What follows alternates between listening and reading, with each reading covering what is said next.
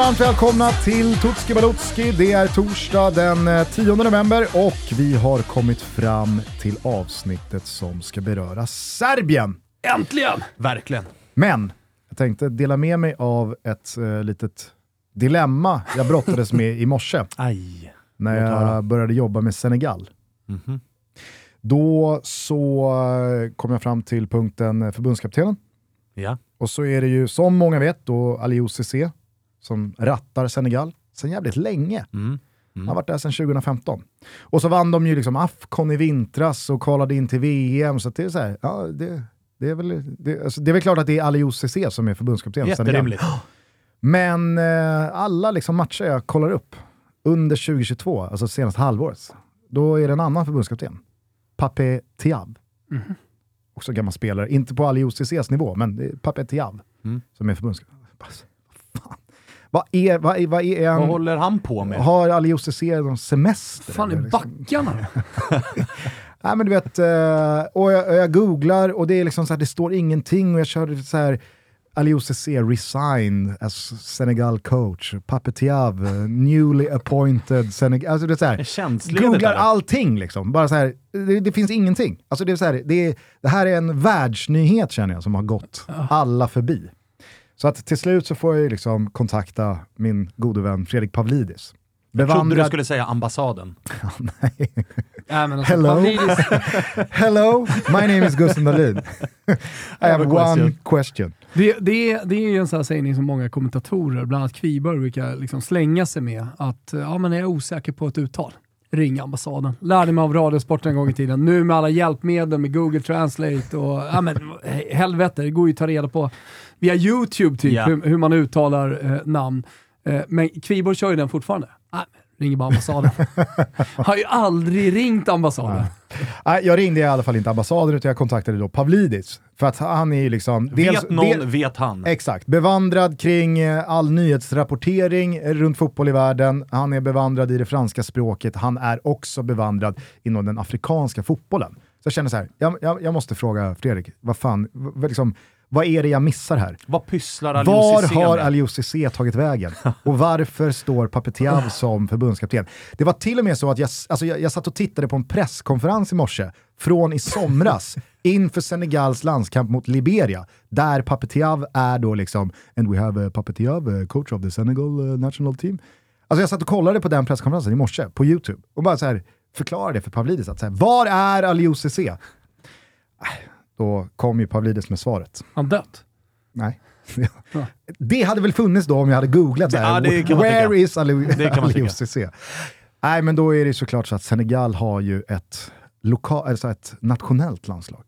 De har ett B-landslag. Ah. Ett lokalt landslag som då Papetian Januari-turnén-landslag. Ja. ja. ja, exakt. Alltså, mm. Sverige hade ju en gång, det var väl Nisse Andersson, han var mm. väl förbundskapten för det svenska B-landslaget. Just det. Vilka som nu ingick i det. Men så där har vi liksom svaret. svaret. Okay. Att okay. alla liksom eh, flashscore och livescore-sajter, de alltså, för dem är det ju bara liksom, men det är Senegal. Okay, men... Det är Senegals landslag, precis som att det är Sveriges landslag som spelar yeah. mot eh, Lettland i en januari-turné. Det är som att Janne bara hade rattat kval och mästerskap och Wettergren tar hand om träningsmatcherna. Typ. typ. Ja. Men du, en fråga. Det här avsnittet ska ju handla om Serbien. Hur ja. hamnade vi här? Jo, vi hamnade bara för att det här hände mig i morse när jag gjorde liksom jobbet ja, okay, kring Senegal. Okay. Mm. Och då tänker jag att eftersom Senegal kommer ingå i ett dubbelavsnitt imorgon, så tänker jag att jag, jag, jag bara liksom bränner av det här så att ni, liksom, ni får den lilla nuggeten. Ah, okay, okay, okay. Utan att jag behöver lägga massa tid på det här imorgon då. Inte när jag då bara ska prata Ali Cissé. Ah, ja, ja. Då skiter vi i Papetiav och det lokala landslaget Senegal. Ja. Ah, ja. Idag handlar det om Serbien och Serbien Uff. är en fjärdedel av Grupp G. Vi har redan hört eh, Svanemar eh, prata kring Schweiz. Utöver dessa två så ingår alltså Kamerun och Brasilien i Grupp G. Toppgrupp. Ja, det här är en grupp som växer mer och mer på mig, måste jag säga. Mm. Definitivt. Kanske, alltså, kvalitetsmässigt kanske en av de bästa grupperna. Alltså mm. generellt alla fyra lag. Mm. Grupp H håller jag ändå högre. Vad har vi grupp H nu igen? Det är Portugal, ja. Uruguay, det är Ghana, Sydkorea. Ja, mm, ja. Visst, mm, det är, mm, mm. jämnt skägg. Om kvaliteten går att liksom, ja, ja, ja. twista. Definitivt, definitivt. En bra eh, jävla grupp i alla fall. Det, ja, verkligen. Eh, Thomas, din spontana grupp kring grupp G här? Nej, men jag tror väldigt mycket på Serbien. Alltså det här avsnittet kommer präglas av en Serbien-hybris från min sida. Eh, så, så att, eh, ja, men jag, jag, jag kommer tänka att de kommer gå långt i det här mästerskapet. Mm. Det, Ja. det är väl egentligen det jag tänker. Ja, men jag delar din eh, optimism kring det serbiska sen, blir man, landslaget. sen blir man ju alltid optimistisk när man suttit och jobbat med ett landslag. Inte alltid. Ah, okej då. Inte Nej, det kan faktiskt bli tvärtom också. Mm. Det är sant. Det är sant. Eh, men du svart bara. eller vitt då, kan man säga att det blir. Så är det, absolut. Och ni som har lyssnat på Toto Balutto, ni vet ju att jag i många år har eh, haft en ordentlig fäbless för detta Serbien. Fick mycket skit när jag stack ut hakan och sa att serberna är, liksom, de är mäktigare än alla andra. Eh, Ja, det var Balkan- dumt av det att säga. Det var dumt. Och det känd... Första gången jag hörde det så kände jag också hur det bara rös till i kroppen. Aj, aj. Trubbel. Jag blev nästan orolig för dig Ja. när du sa det. Ja. Men det man kan liksom känna sig, liksom, det, det man kan gona ner sig lite i när man säger så, det är att man har ju serberna i ryggen. Du brände inte alla. nej, nej. Nej, nej. Man, Bra, man, bra, man, man ställer serberna i ryggen i alla fall. Ja, det är bra. Eh, vad gäller VM-meriter då, när det kommer till Serbien. Man står ju, om man Wikipediar Serbiens landslag, eh, bokförda för 12 deltaganden i eh, världsmästerskapssammanhang. Men det är ju såklart under lite olika former. Framför allt då Jugoslavien har ju eh, eh, benämnts på lite olika sätt genom fotbollshistorien, Jugoslavien, men det är där man har eh, figurerat i de här sammanhangen flest gånger. 2006, då tävlade man ju som Serbien och Montenegro. Trots att Montenegro strax innan VM i Tyskland eh, drog igång deklarerade sin självständighet. Men då var det liksom så här, det var för sent för att börja ändra på liksom deltagare... Har kommit så långt här. så att liksom, montenegrinerna, de fick helt enkelt bara så här, suck it up och var med som Serbien och Montenegro trots att man hade då eh, brutit sig loss från Serbien. Och hade väl inte jättemycket emot det. Alltså Montenegro på egen hand kanske inte har jättestora möjligheter att spela ett världsmästerskap. Här fick de ändå liksom åka med Serbien lite grann, eller? Jo, absolut, men och, jag jag ska inte säga att jag är någon expert på liksom, Balkankrigen och de interna stridigheterna, men har man liksom slagits för sin självständighet och aktivt försökt bryta sig loss Såklart. från Serbien så kanske, kanske man inte... Men jag menar, haja och vara fotbollsspelare och vara från Montenegro jo, jo, och liksom visst. varit med och spelat in det. Du ska få spela VM. Ja, nej, och så, så- kommer så det någon politisk skit som så här, vet du vad, du får, du får inte följa med. Ja, visst. Eh, det, det, jag- ska inte ta ställning Nej, där. nej, jag jag ska inte ta säger. ställning Jag där. Men jag, men jag hör Vet vad en sak jag vet inför det här avsnittet? Nej. Det är att Ruben kommer handla om Mitrovic. Det är det Mm. enda jag vet. Utan att ha pratat med dig Gugge. Ja, nej, men det har du helt rätt i. Ja, Hur som helst, eh, det här blir i alla fall Serbiens Mm. Tredje VM, alltså som Serbien. Post Serbien, Montenegro, så har man deltagit i tre av de fyra senaste eh, världsmästerskapen. Och då är alltså eh, det här eh, stundande VMet i Qatar ett av de tre. Det säger någonting om eh, slagstyrkan i Serbien som fotbollsnation, även fast man aldrig har tagit sig förbi gruppspelsfasen i eh, de men här det- turneringarna. Det det vi finns ju alltid stora jävla förväntningar på dem. Alltså, Bra. vi minns ju Hasse Backes bevingade ord om Sergej Milinkovic Savic inför det förra, att det var liksom det här han kan bära det här landslaget långt. Det, var lite, det är ju nästan alltid lite så här jokervarning runt eh, Serbien när de kommer till de här mästerskapen de senaste gångerna ju. Ja, exakt. Eh, och jag tycker att vi verkligen kan förstärka liksom bilden av Serbien och landet Serbien när vi nu gör det här avsnittet. Att inför de här mästerskapen, både 10 och 18, så, så är det ju liksom den grandiosa serbiska självbilden och en hel del hybris som, som då ligger som grund till de stora förväntningarna som kommer från nationen. Eh, och sen har det ju samtidigt då kantrats, alltid kantrats av en jävla massa osämja och jidder och så vidare och stök runt omkring. Så att det, det är liksom ett, ett serbiskt landslag som alltid går in i mästerskapen med stor tro på sig själva, men eh, en massa jävla jidder och skit eh, har ställt till det. Mm. Eh, återstår att se ifall det är mer harmoni den här gången. Vi ska bara säga det när det kommer till meriter, att räknar man in Jugoslavien-mästerskapen till då Serbiens VM-meriter så är fjärdeplatserna från 1930, alltså det första fotbolls-VMet, och 1962 de eh, bästa slutplaceringarna.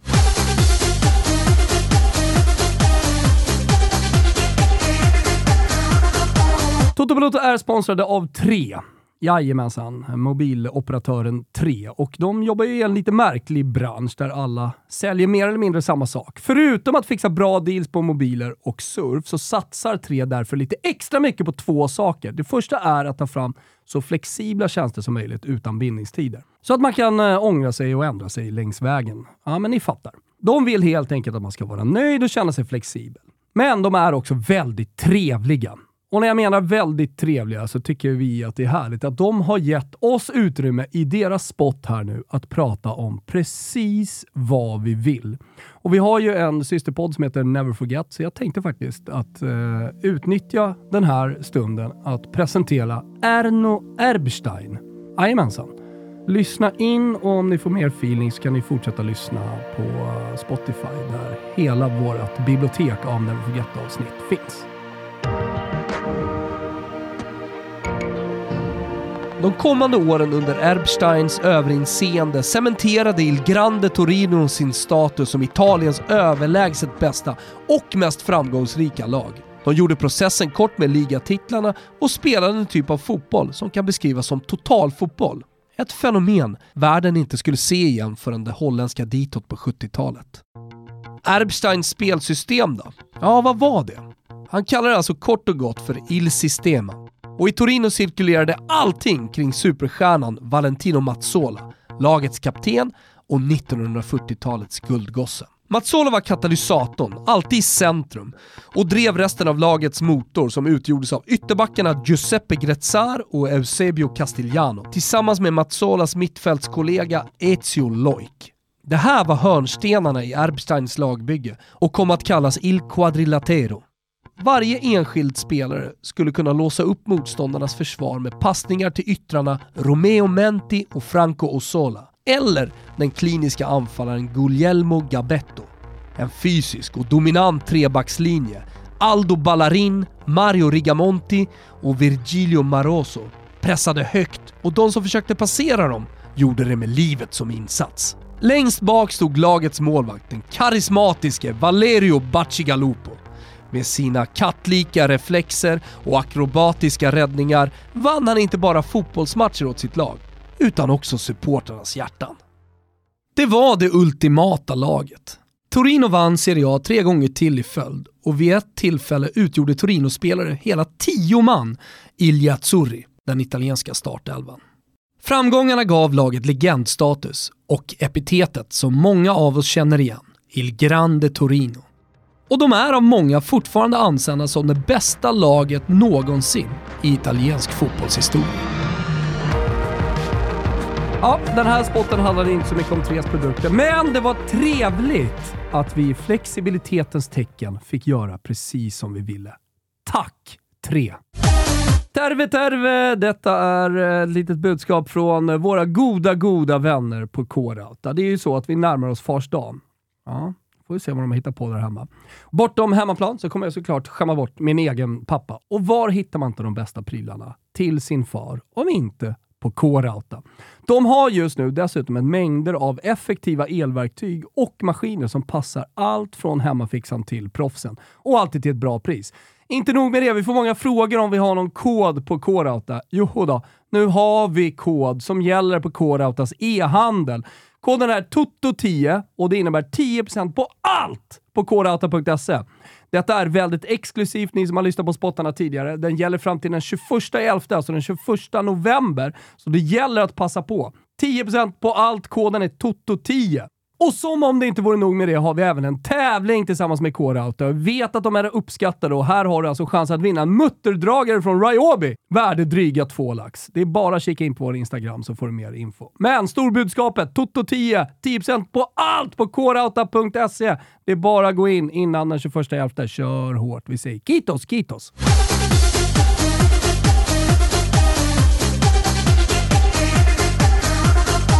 Ja, mm. hur eh, tog man sig till eh, VM då? Ja, men VM-kvalet under 2021 var ett enda långt segertåg. Man gick nämligen obesegrade genom gruppen tillsammans med Irland, Azerbajdzjan, Luxemburg och Portugal och kvalificerade sig till VM genom att vinna den sista matchen borta mot de sistnämnda, alltså Portugal, i eh, den sista omgången. Alexander Mitrovic avgjorde i den 90 minuten. Det här är Just ju det, eh, en match det. och segerfirande ni minns. Han Ja, drog tröjan fan. och han lufsade ut i badtofflor när den serbiska bortaklacken dröjde sig kvar efter. Och så kom han dit och så körde de. Ah, men fan, det, var, det, var, det var en jävla fin stund. Ja, det var det. Och det var också väldigt mycket bilder på liksom gator och torg i Portugal som serberna tog över och firade ganska, ganska hårt på. Så det här är ju faktiskt en, en eh, match man minns ganska ordentligt ju. Det är avgörandet framförallt. Verkligen, och det här var ju liksom en eh, enorm eh, framgång för den nytillträdde förbundskaptenen Dragan Stojkovic, Pixie kallad. Pixie. Ja, det gillar man. Ja, verkligen. Serbiskt perfekt smeknamn. Pixie. Pixie Stojkovic. Verkligen. Eh, vad, vad, vad, vad är det för spontana tankar och känslor som bubblar upp när jag nämner Dragan Stojkovic? Du som är tio år äldre än mig och Svanen. Ja, nej, men alltså, jag tänker framförallt på den ledarstilen som man har haft. Alltså, den serbiska ledarstilen har ju hela tiden varit väldigt så här, auktoritär och, och ehm, nej, men, eh, ganska tydlig. Så som man kan tänka sig liksom, den serbiska ledarstilen är. Medan, medan Stojkovic i, i det här Serbien faktiskt fått ihop en grupp. Han är ute och krökar med spelarna och liksom, eh, han, han låter spelarna vara spelare så att säga. Eh, och eh, Ja, men har få, eh, verkligen bra ledare, en ledare som det här serbiska landslaget, ganska ungt landslag också i, i, i, på många sätt, eh, verkligen kan se upp till och som de känner förtroende för och som de kanske inte är rädda för. Så jag, att tror ju att det är kiva för en sån här förbundskapten att eh, göra just det. Alltså vara ute och inte komma och köra alkohol, sig och sexförbud inför ett mästerskap, utan snarare kanske tvärtom, att omfamna den kulturen som trots allt är att det är okej att ta en cigg efter match, det är okej att fira med ett par bira. Nej, men och sen, så han Varför, pratar eh, inte om pallplatser och, och eh, sådär som serberna brukar göra, utan det, det här är en gubbe som säger att vi ska, vi ska klara gruppspelet. Ja. Så han liksom har lite mer Janne Anderssons ledarstil. Varför jag frågade dig Thomas, eh, det var ju för att ju mer jag har läst på om denna Dragan Stojkovic så har det ju gått upp för mig att det här är ju en av alla de spelare från östra Europa som har fallit i glömska och som aldrig har fått det där stora erkännandet som deras eh, potential men också ja, men, eh, faktiska utföranden från fotbollsplanen har berättigat. Eh, jag och Svanen är ju eh, alldeles för unga för att eh, ha upplevt eh, den här spelaren då, Dragan Stojkovic, men det här var ju alltså Röda Stjärnans eh, absoluta finest. Han var lagkapten i det jugoslaviska landslaget eh, från och till i över 15 år. Han kallades för Balkans Maradona och det är ju ett smeknamn som eh, förpliktigar. Eh, otrolig nyckelspelare i det sena 80-talets Röda Stjärnan som gick som de gick. Han eh, gick sen till Marseille i deras storsatsning i början av 90-talet. Ni vet den som slutade med en Champions League-seger 92-93. Men drogs med skador under i princip hela karriären, vilken är den stora förklaringen till att vi lite yngre aldrig riktigt fått klart för oss hur högt han skattades. Han avslutade sin spelarkarriär i Japan och återvände sen till Serbien när han slutade för att bli förbundspresident, bara 36 år gammal. Eh, och några år senare så bytte han presidentskapet i förbundet mot presidentskapet i sitt kära Röda Stjärnan.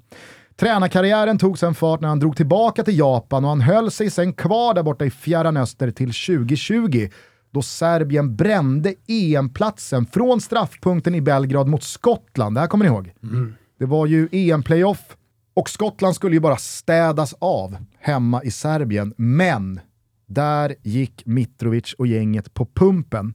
Eh, då fick eh, den eh, dåvarande förbundskaptenen lämna, Ilija Stolica tog över i någon slags eh, kort interimlösning då innan Pixie red in våren 21. Och sen dess så är det ett enda jävla långt segertåg. Måste ju vara första gången man hör någon gå den vägen. Alltså tvärtom har man ju hört. Från spelare till tränare till president. Men att gå från liksom dubbla presidentskap Ja, ner till tränarbänken, det har jag fan aldrig hört förut. säger väl en också ganska mycket om hans position inom den serbiska och jugoslaviska fotbollen. Ja, och När man så här, från, av, alltså. från avslutad spelarkarriär bara rätt in som förbundspresident. Ja, ja. Efter det här VM-avancemanget eh, så har hans serbiska landslag dessutom avancerat till Nations Leagues A-division under 2022 genom att komma etta i gruppen med Slovenien, Norge och Sverige.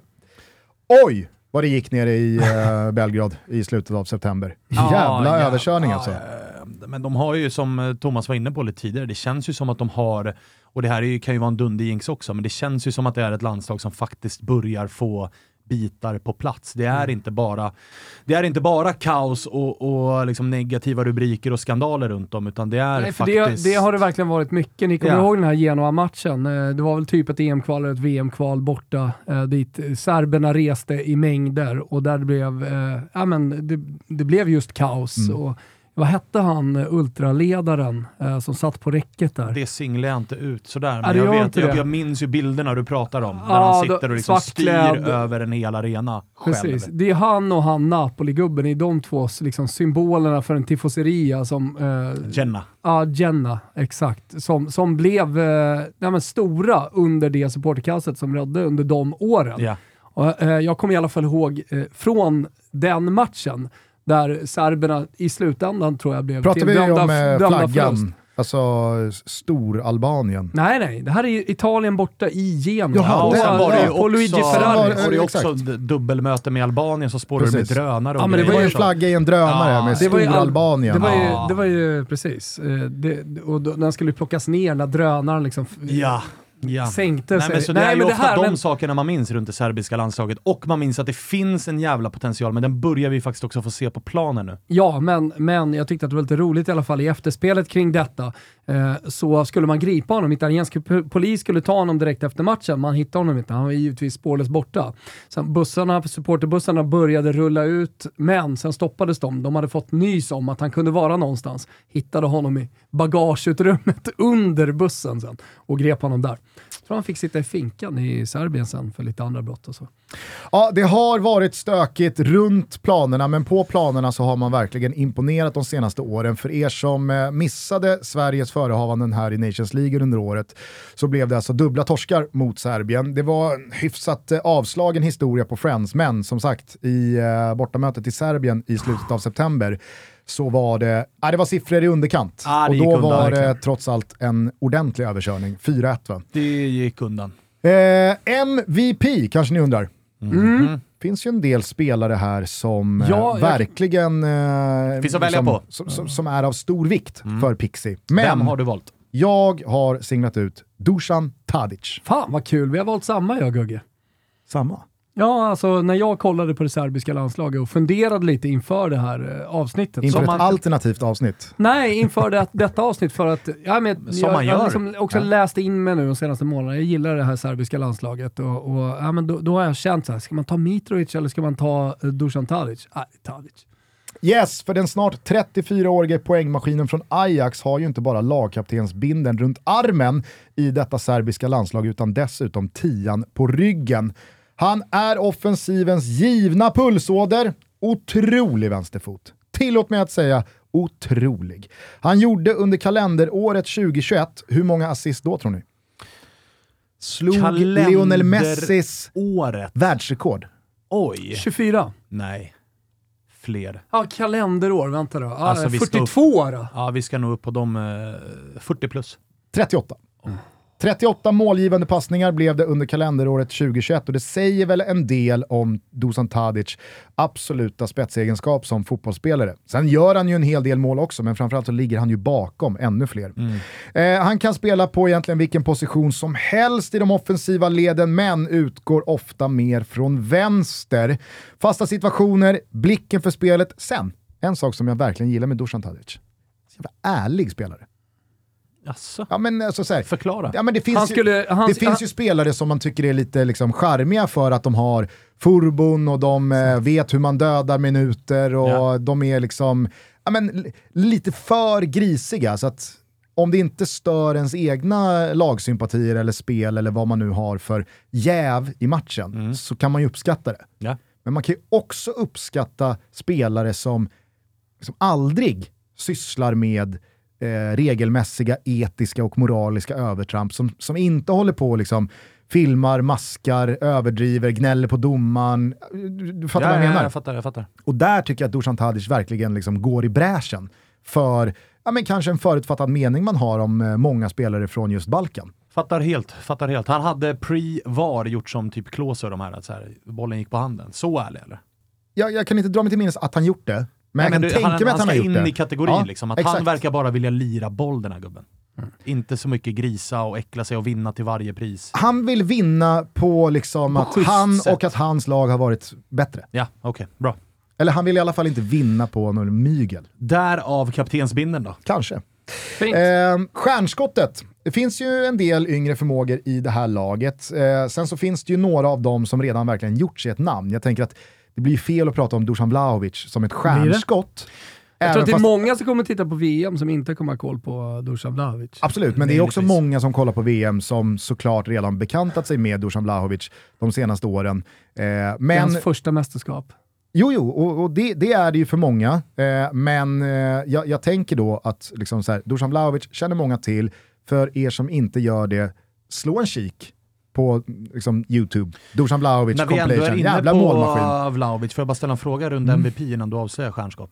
Mm. Valde du Tadic också för... Mitrovic är ju annars det liksom givna valet, men där finns ju också Vlahovic och Jovic. Nu har ju Jovic inte riktigt fått att lossna, men det Frågan vet, kommer med i truppen. Gör inte Jovic. den ena mål så kan den andra, medan utan Tadic så finns ju inte heller inte riktigt den spelmässiga motorn. Är du med? Ja, exakt. Det är kanske för avgörande här också. Ja, men hur man än vrider och vänder på det så tycker jag att Dusan Tadic är Ah, MVP okej. här. Bra, bra, bra. Stjärnskott då? Yes, stjärnskott. Jag, jag tänker också att så här, inte för att han är det, men någonstans så ska man väl också nämna Sergej Milinkovic-Savic. Är det kanske liksom en, här, en MVP-kandidat? Ja, fast ändå inte såklart. För att det finns två, tre gubbar som Ja. jag, jag håller Ja, högre kollar man på MVP-mässigt. kollar man på Tadic matcher också under det här kvalspelet, han har väl typ eh, ja, men, 6-7 assist, eh, ett par mål, så att han fortsätter liksom att hela tiden eh, poängproducera för det serbiska landslaget. Så han är nog lite, eller han är viktigare än eh, Sergej Milinkovic-Savic. Eh, Dusan Vlahovic i all ära då. Stjärnskottet som jag bedömer är Strajnja Pavlovic. Mhm. 21 år ung, Mm. ser ut som 31. Ser ut som ett monster. Mm. Alltså han ser läskig ut. Finns något väldigt serbiskt över det. ja, definitivt. Att se äldre ut än vad man är och att se väldigt Och en skräckinjagande ut. jävla märk, alltså kollar man CV, en ganska märklig väg, Ah, det får men man cool säga. väg. Eh, för trots sina 21 år så har han redan över 20 landskamper innanför västen och han har trots sin ringa ålder redan hunnit med spel i Partizan Belgrad, Monaco, Cerkel Brygge, Basel och sen i somras då Salzburg. Rätt in i Mattias Geisles mittlås som höll på att lösa ännu ett avancemang i Champions League och när Serbien producerar offensiv briljans på löpande band så tycker jag att det är viktigt att också lyfta återväxten i försvaret då man fortfarande letar efter den definitiva efterträdaren till Nemanja Vidic. Branislav Ivanovic var det aldrig och nu säger jag det bara. Nikola Milenkovic kommer aldrig att bli det. Okej. Bra. Ja, Han är 25 bast. Eh, ja, vet, vet du varför då kanske? Han aldrig kommer bli det. Nej. Hans eh, nysignade kontrakt med Fiorentina och hans omfamnande av projektet Viola. Ja, det, är väl en anle- det är väl en anledning så god som någon. Och att det då kanske buden som kom inte var så många och Exakt. var så eh, Och varför rika. kom de inte? Exakt. Och varför kom de inte på Jag den älskar det ju såklart, liksom? för Milenkovic är ju en otroligt bra spelare. Ah, jättebra. För Fiorentina? Jättebra. Absolut. Och för det serbiska landslaget. Jo, jo, men det är ju ingen Nemanja Vidic. Alltså, eh, ska du spela med Vigge, Isak Hien eller med Milenkovic, så att säga, bara. Alltså, då, då Ja, väljer där du är honom ju- f- där 100 gör gånger du av det. 100. Du, du tar hellre honom ensam än båda de två tillsammans. Det är på den nivån. Men nu var ju jämförelsen med Vidic. Jo, jag vet. Och det kommer han ju såklart inte bli. Då måste han ju börja vinna titlar. Ja. Pronto! Och det är inte många klubbar i världen som gör det. Nej. Nej, men håll med mig om att det Men dels... vem ska bli som Vidic då? Vadå, hur många i världen ska bli, hur många i världen ska bli så bra som Vidic var under hans prime-år? Ja, men lyssna här nu. så många titlar. Kolla här nu. Gustav, Är, berätta för dig. är det inte rimligt att tro, om man gnuggar lite spåkul här, att Pavlovic, ah, han tar två österrikiska Bundesliga-titlar här nu med Salzburg. Ja. Han eh, spelar VM med eh, Serbien som given mittback i eh, Pixis treback. Och sen så tar han det naturliga steget till Leipzig som på ytterligare två år har etablerat sig i toppen av Bundesliga och framförallt i toppen av Champions League. Så att när han är 23-24 år, då har han 50 landskamper på kontot. Han har gjort över 250 matcher och är redo för att liksom bli en del av ett Champions League-utmanande Leipzig. Ja, nej, alltså det, det, är ju såklart den vägen som eh, Salzburg har bestämt eh, att, eh, att de ska gå. Men om man nu har Vidic eh, egenskaper, alltså jag ser honom, jag ser den ståtliga figuren, 1,94 cm lång, ser ut som 31 bast och, och spelar redan otroligt moget. Kanske ska hoppa Leipzig. Gå direkt till Premier League. Kanske. Mm. Å andra sidan så behöver man ju inte, för att vara Nemanja Vidic, spela liksom Men alltså spel, 15 år. Får bara det, det, räcker med en spel i Premier League på 5-6 år. Spelar de med Pavlovic och Milenkovic? Mm. Ja, alltså, det är sånt jävla mittlås, så folk fattar inte. Ja, de har ju spelat treback, mm. så de ingår där båda två. Eh, men eh, alltså så här, jag, och, och, så här, jag, jag, jag har väl också singlat ut Pavlovic här också för att han är en hyfsat ny bekantskap för en själv. Jo. Det är inte så att jag eh, satt och följde Pavlovic i Monaco eller Nej, när han var alltså utlånad till eh, Kärrskjell Brygge. Jag, till skillnad från er två, är ju fortfarande eh, liksom football manager. Och där har han ju, sen han var liksom 16 bast i Partizan Belgrad, varit ja, men så här, femstjärnig ja, potential. Värva honom, han blir en världsback. Mm. Och den eh, detaljen är fortfarande där. Alltså, okay. Det finns ju de här sajterna där man går in och kollar vilka under 23, vilka under 21 är rankade att bli, ha högst potential. Och Pavlovic är alltid med på de här listorna som en FN? framtida... Eh, inte det nya, jag är lite kvar i, i 22an fortfarande. Ah, men okay. 23an kommer, kommer snart. Nu, men jag gissar att Pavlovic kommer vara med även där som att det här är... Det blir intressant. Och jag menar, ett kvitto på detta är ju att han landar i just Salzburg. Han landar landar inte i något annat lag, utan han, han landar i ett Salzburg som är typ bland de bästa i Europa på att hitta vilka är de framtida storstjärnorna. Så att det, det, det, det, det mesta talar för att Pavlovic är real deal. Vi har FM-gubbarna med oss. Ja, nej, men alltså, det är väl ja, roligt när det synkar. För, att, eh, för mig har verkligen Pavlovic gått från eh, ingenting till att jag i år då med Alltså dels en av landskamperna då mot Sverige och sen eh, Salzburg-hösten yeah. i Champions League så har man verkligen sagt det där är en riktigt bra mittback.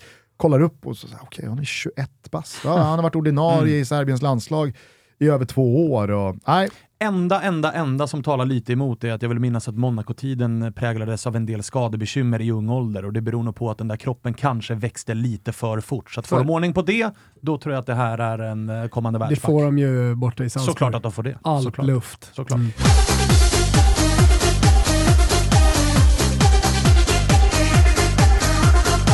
Lystring, lystring, lystring. Det är dags. Det är den tiden på året. Den 8 november så finns Football Manager 2023 tillgängligt och det på PC, Mac, Xbox, mobil och Apple Arcade. Jag vet att det är många som varje år tycker att detta är ett heligt datum när nästa års Football Manager kommer ut. Om man inte har testat det, kanske det är dags. Eller man kanske till och med haft ett eh, uppehåll och inte kört på ett tag. Nej men fan, kliv på nu! Det kommer jag göra. Det handlar ju om att du tar över tränarjobbet i valfritt fotbollslag i världen. Detta legendariska fotbollsspel bara rullar på sedan tidigt 90-tal och som sedan 2005 går alltså under namnet Football Manager. Sport Interactive heter de som har skapat det och de finns i London. Sen ges spelet ut av Sega. Jag vill också slå ett slag, för jag vet att det finns mycket kult kring eh, Football Manager och det är för vår fantastiska tröja vi har gjort på Nakata med legender, alltså Football Manager-legender som Freddy Adu, Vargas, West, Rajkovic i mål, Fierro på topp, eller varför inte nummer nio, Niki Forenko. Ja, den här legendariska tröjan finns på nakata.se. Men viktigast, 8 november. Då finns Football Manager 2023 tillgängligt. Håll också utkik på våra sociala medier så ska vi se till att eh, tävla ut några Football Manager 2023. Vi säger stort tack för att ni hela tiden fortsätter att utvecklas och för att ni är så fantastiska på Football Manager.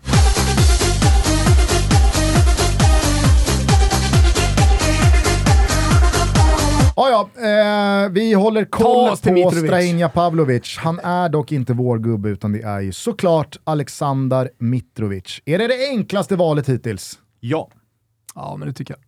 Alltså, dels så tänker jag då på att Sergej Milinkovic-Savic aldrig kan vara vår gubbe. Nej. Nej. Framförallt inte Thomas gubbe. Luka, Luka Jovic kan aldrig vara vår Nej, gubbe. framförallt inte Thomas gubbe. Vlahovic kan inte vara vår gubbe. Fan vad Viola och Serber inte går ihop nu känner jag. Nej. Precis. Eh, utan det är ju såklart Aleksandar Mitrovic. Han har, Fan, vi är ju två serber. lyssna nu, han har på sina Har vi 76 tre till och landskamper, med? Perisic. Han serb. Mm. 76 landskamper, 50 mål. Oj. Va? Oj, oj. Är inte det helt har jävla makalöst? Vad har Zlatan? Zlatan har på 116 landskamper eh, så har väl Zlatan 62 mål. Jag vet att Gugge sitter på de här siffrorna. Det är därför jag, Jo, men det är alltså därför jag frågar 50 rätt i huvudet. Liksom. På Tar han. 76. 50 på Ja, 76. Ja. Och han, är, han, är, han, är, han, han har ju många år kvar. Alltså, Ja, för, ja, ja. För man, man, 28 bast. han har ju pratat i intervjuer också om att han har liksom fått ordning på sitt temperament. Han säger själv att han alltid varit ett dampbarn. Hans farsa trodde att han skulle bli kriminell och alltid varit stökig. Liksom. Men han säger nu att han har hittat harmoni. Det är aldrig för Kanske fått AD- ADHD-medicin eller någonting som har fått honom att lugna ner sig. Jag vet inte. Kanske. Eh, Han en har, medicinerad Mitrovic är Han- inte vår gubbe. han, har, han har i alla fall hittat en ny nivå, för många av er noterade säkert att han under fjolårssäsongen sprängde målrekordet i engelska The Championship med hela 43 kassar när hans Fulham tog steget tillbaka till Premier League. Och det här var ju länge liksom en liten stämpel Mitrovic hade på sig att i Premier League så eh, höll han inte, men Championship var den perfekta nivån för honom.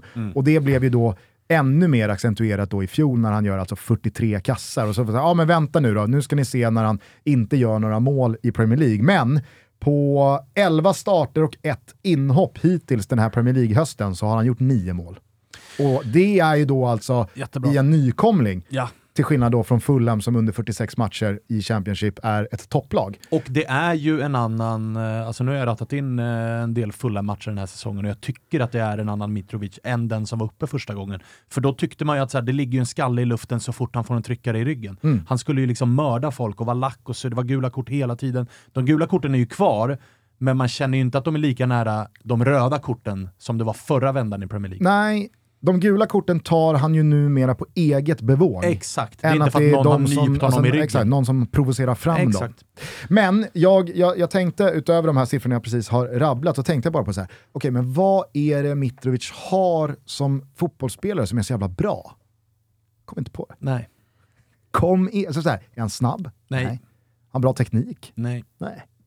Skjuter han fruktansvärt bra? Nix. Är det en jättebra Bra avslutare? på att skydda boll. Ja, jag menar alltså så här, han är, han är, det är väl klart att han med sin size, absolut, har han är, ingen han är, han är jättebra i liksom luften och han är tung i dueller och som Thomas in, han, han kan ju hålla emot och felvänd är han jätte, alltså så här. Men han har ju ingen sån här, jävlar vad bra han är på det där. nej. Det är, det är ett sånt jävla mysterium, Alltså fotbolls, fotbollstekniskt har han ingen edge, men han gör mål. Mm. Det är så sjukt. Ja, jag vet inte om du har något liksom, Ja, svar jag, på det jag, vi jag, jag, jag förstår vad du säger. Liksom, han, han, är en, han är en mer dräpande Pazzini. Pazzini var inte tillräckligt snabb, han var inte tillräckligt bra i boxen för att vara liksom ypp, på den yppersta spetsen och så vidare. Men han, alltså, de känns lite liknande. Du jämförde ju eh, med Pazzini tidigare när vi pratade om Ja, Dzeko. Pazzini var väl lite så här, jag, jag, han var ju väldigt bra på att positionera sig. Dök upp Ja, där okej, bollen var, han var lite, så här, stuk, alltså. lite hal. Ja, och, okej. Men Ja, Mitrovic okej. är också så här, alltså, han bränner ju lika mycket som han sätter. Han bränner ju mer. Mm. Alla Det- det- ska jämföras med kolla, ja, men kollar man på... Kollar Men vadå, man det är på väl snarare så att han ska jämföras med Dzeko i så fall, som inte heller är... Alltså han har inte heller någon rikt... Han är inte snabb, han är lång men han är inte särskilt bra på huvudet. Alltså han har, han har ingen superegenskap. men det är, det är så här, du är... Du är och, och, och så här, Spidern är som en jävla cirkel bara. om nu någon serb där sitter och kokar, man älskar Mitrovic. Verkligen! Alltså, man tycker att Mitrovic är otroligt Han är bra, uppenbarligen vår men gubbe. man vet inte riktigt vad det är han är bra på. Nej, och så här, sitter man och kokar där ute, du satte nyss honom som vår gubbe. Ja, ja. Så att jag menar, det är bara att lugna sig lite där. Ja, vår gubbe i alla fall, Aleksandar Mitrovic. Ruben då? Eh, vi visste att han skulle bli vår gubbe. Vi visste att han eh, på något sätt skulle in i den här Ruben och eh, vi tror ju såklart på honom. Han gör mål i över 1,5 matcher. Är ni med?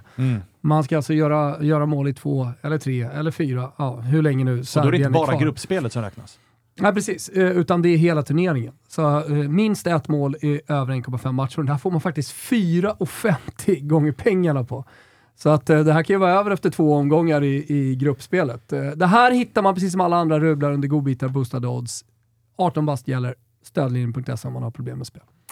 Det finns ju såklart eh, en eh, liten, liten eh, orosnackis. Vi ska väl återigen påminna om att många avsnitt spelas in några dagar före vi publicerar dem. Idag när vi spelar in det här så är det fredag den 4 november.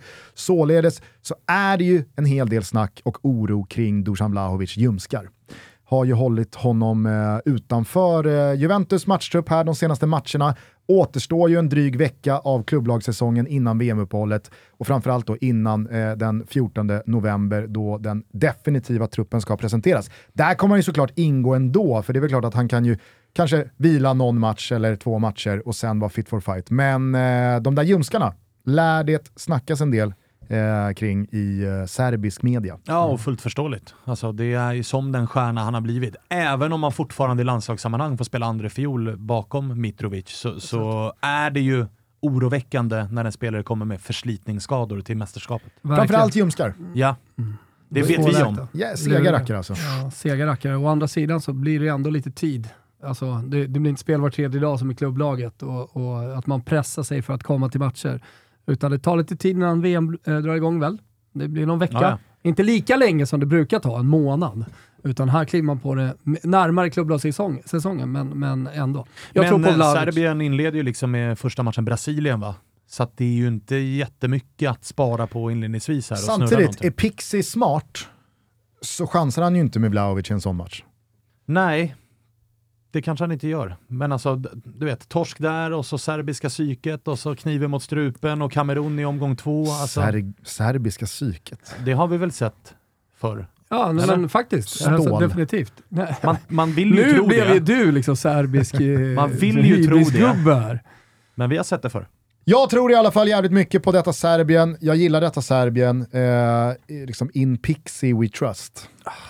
Jag är med dig där. Ja, och ja, eh, det med. var egentligen vad, vad jag hade om Serbien. Egentligen, känner ni, egentligen, känner ni er nöjda? Ja, lite surr bara. Vi pratade om, eh, om en startelva. Har vi liksom en potentiell startelva? Det är så många bra gubbar. Jag gillar när det är så bra nationer. Man liksom bara går igenom den i huvudet. Vad hade vi? Vi hade tre back och 3-5-2 då, eller med Dosan och eh, Mitro på, på topp. Och då får väl Dosan kanske vila mot eh, brassarna och så blir det väl Luka Jovic kanske. Men sen är det väl Tadic och Sergej centralt med någon sittande. Du verkar vara helt övertygad om att Luka Jovic spelar.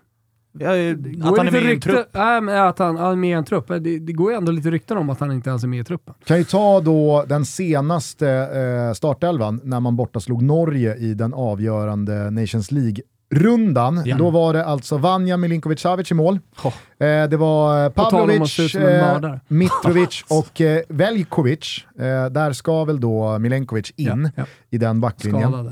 Eh, ett eh, femmanna mittfält med eh, Kostic till vänster, Sivkovic till höger och sen så då eh, Sasa Lukic, Ilic och Dusan Tadic centralt. Eh, där ska ju då Sergej Milinkovic-Savic in. Gissningsvis då alltså. på Ilic plats, kan jag tänka mig. Ja. ja. Eh, och så Vlahovic Mitrovic på ja, topp då. Ja. Så att, eh, det är ruskigt. Det är ruskigt. Du har ju dessutom då Filip Djuricic eh, att tillgå, eh, beprövad. Eh, du har eh, Darko Lasovic. Mm. ja, det finns ju en hel del. Radonjic, mm. Terzic. Exakt. Ja, och så Luka Jovic då som du nämner. Och, ja. och så vill vi ju flagga för att, eh, som vi gjorde även i Schweiz-avsnittet, att det är, de ställs mot varandra i den sista gruppspelsomgången. Det så. är en jävla match att se fram emot i det, det är en jävla grupp. Ja, alltså grupp G. Jätte, mm. jätte, jättefin. Grupp G som Drar är, igen. Ja, det, är, det är Brasilien, mm. det är Serbien, uh. det är Schweiz ah. och det är Kamerun. Uh. Perfekt! Ja, men alltså, fatta när de står upp. Jag hade inte velat spela i eh, Brasilien när först i ledet, är de smarta här Serbien så låter de ju Vanja eller Mitro ta kaptensbinden och så ställer de de två först i spelartunneln när de ska ut. Alltså Vanja Milinkovic Savic och Mitrovic, kika på dem. Alltså, och så har, du, så, har du, alltså. så har du också stjärnskottet. Är, är Vanja... Ja, Vanja... Ja. Ja stor som ett hus. Ja, du, menar att han är lite, du menar att han är lite stor bebis? Jo, men, nej, men alltså, så här, tror du verkligen brassarna liksom kissar i brallan nej, över att, nej, liksom, att det, det, titta över vänsteraxeln och se att så här, aha, deras bindel sitter på Sergej Milinkovic-Savic brorsa. Titta på hur han ser ut bara. Jag ja. säger bara att han är skräckinjagande. Mm. Ja. Nej, det, det, det är ett bra Serbien i alla fall. Det är ett bra Serbien. Det, det är det. Så är det. Eh, det är allt om eh, Serbien ni får för idag, men eh, Tutski Balutski-dagen slutar ju inte här. Absolut. Utan den fortsätter ju med ett parallellt avsnitt som du håller i.